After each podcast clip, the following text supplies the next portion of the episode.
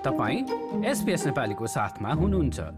आफू बस्ने वरपरको क्षेत्रमा हरियाली र घरमा बगैँचा हुँदा यसले दिने आनन्द र फाइदाहरू निर्विवाद छन्। मानिस र वातावरण बीचमा निकै घनिष्ठ सम्बन्ध हुने भएकाले पनि वातावरण र बोट बिरुवाको संरक्षण गर्नु निकै महत्वपूर्ण मानिन्छ। मेलबोर्न स्थित सिटी अफ पोर्ट फिलिपका मेयर मार्कस पल अस्ट्रेलियाका रुखहरू रुख बिरुवा सम्बन्धी कानून ट्री प्रोटेक्सन एक्टबाट नियन्त्रित हुने बताउँछन्। यसकारण पनि सहरमा बसोबास गर्ने मानिसहरूले आफ्नो घरको बगैँचाको रुख काट्न पनि काउन्सिलको अनुमति लिनुपर्दछ। बोट बिरुवा रोप्दा यसले दिने छायाले वातावरणलाई प्राकृतिक रूपमा चिसो बनाउँछ। यसबाहेक वातावरणमा सफा हावाको मात्रालाई पनि बढाउँछ। There's so much study and information about biophilia, which is the human connection to the outside world. And in built up cities, we tend to move away from that. But we always know we feel a lot better when we're surrounded by the plants in the natural world. कलवेली भर्खरै Australia आएका मानिसहरूलाई आफूले देखेका र सँगै हुर्किएका boat बिरुवा देख्दा छुट्टै अनुभूति दिलाउने बताउँछन् It really draws you back to your homeland, and it's just a little comforting little nod that everything's going to be okay. So many unfamiliar sights and sounds that we get in our built up areas can be negated just by seeing, touching, smelling, or even eating a plant that you're comfortable with and something that you've grown up with.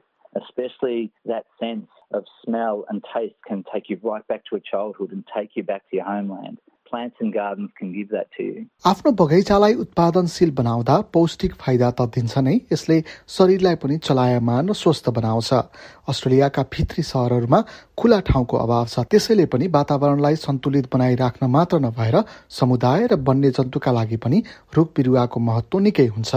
काउन्सिलले विभिन्न भाषामा के गर्न पाइन्छ वा पाइँदैन भनेर सूचनाहरू पनि जारी गर्ने गर्दछ। मेलबोर्नको पोर्ट फिलिपमा सीमित खुला स्थान भएकाले स्थानीयहरूले हरियालीमा योगदान पुर्याइरहेको मेयर पलको भनाइ छ।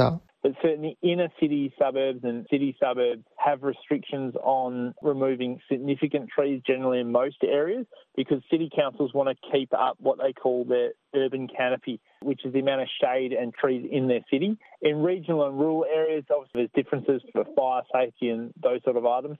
But all local councils around Australia have lots of information about what you can do with trees located on your property. And if you're ever in question, you can always call your local council who has lots of language services also. उनका अनुसार समुदायसँगको छलफलपछि काउन्सिलले nature strip पनि भनिने निजी जमिन र सार्वजनिक जमिनको बाटो छेउछाउको जग्गामा विभिन्न खाले बिरुवा रोप्नका लागि छुट दिइएको छ People don't need to seek permission necessarily to cultivate a nature strip out the front of their house or a plant box that's near their house. What we ask people to do is familiarise themselves with some very simple guidelines that talk about digging underneath significant trees and those types of things so that they're aware of the potential risks and consequences. But we promote people doing this sort of activity in the city of Port Phillip because it has a wonderful cultural and society benefit to everybody. भाडामा बस्नेहरूले पनि आफू बस्ने स्थानको बगैँचाका बारेमा ध्यान दिनुपर्ने हुन्छ बेला बेलामा झाडीहरू काट्ने वा घाँस काट्ने उनीहरूको जिम्मेवारीभित्र पर्दछ So if tenants want to make some changes to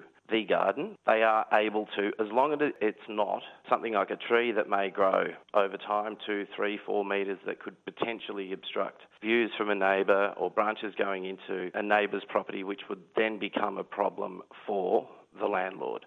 However, if it's to beautify, if it's low maintenance gardening, that it's more than acceptable. तर बाहिरी दृश्य छेकिने गरी रुख वा बिरुवा रोप्दा चाहिँ अनुमति लिनुपर्ने उनको भनाइ छ When a tenant is making changes to the garden, it's always best to contact the property manager to make sure that the landlord is happy with the changes. And if it beautifies the property, of course, they'd have no issues with that. तर भाडामा बस्नेहरूका लागि गमलामा boat बिरुवा वा फलफूल रोप्दा फाइदा हुने उनको भनाइ छ But the thing about potted gardens, the positives are they give you great flexibility.